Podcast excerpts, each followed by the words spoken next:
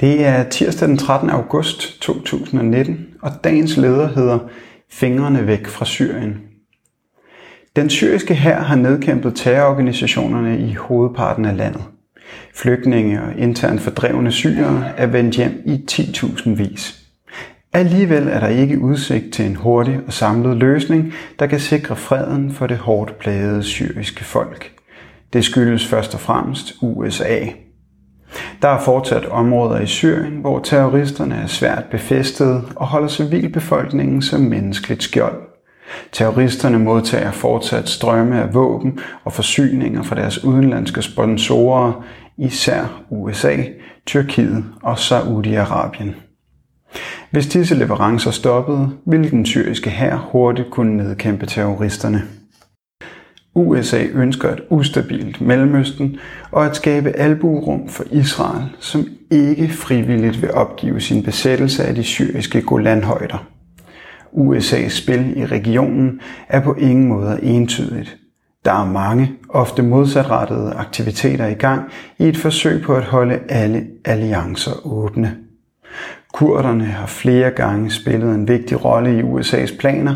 I Syrien er kurderne udrustet og trænet af USA, hvad der længe har bragt USA på kant med Tyrkiet. Tyrkiets våbenkøb i Rusland fik Trump til at nægte salg af nye jagerfly til Tyrkiet. Alligevel valgte Trump til sygelandene hen over hovedet på USA's kurdiske allierede at indgå en aftale med Tyrkiet om oprettelse af en såkaldt sikkerhedszone i Syrien. Det er i åbenlys modstrid med international ret og har naturligvis fået Syrien til at protestere i FN. Den danske regering tiger. Trump lovede under præsidentvalgkampen at trække USA's tropper hjem fra Syrien. Det er ikke sket, men Trump forsøger at få sine allierede, herunder Danmark, til at erstatte de amerikanske soldater i Syrien.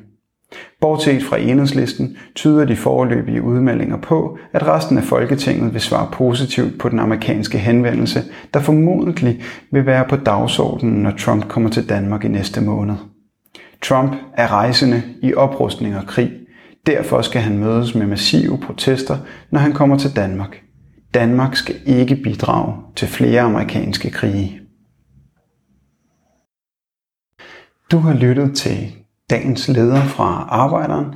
Husk på, at du som altid kan klikke dig ind på arbejderen.dk for meget mere journalistisk indhold. Du kan også følge Arbejderen på Twitter, Instagram eller Facebook, og du kan tegne dig op til Arbejderens daglige nyhedschat inde på Messenger. Tak fordi du lyttede med.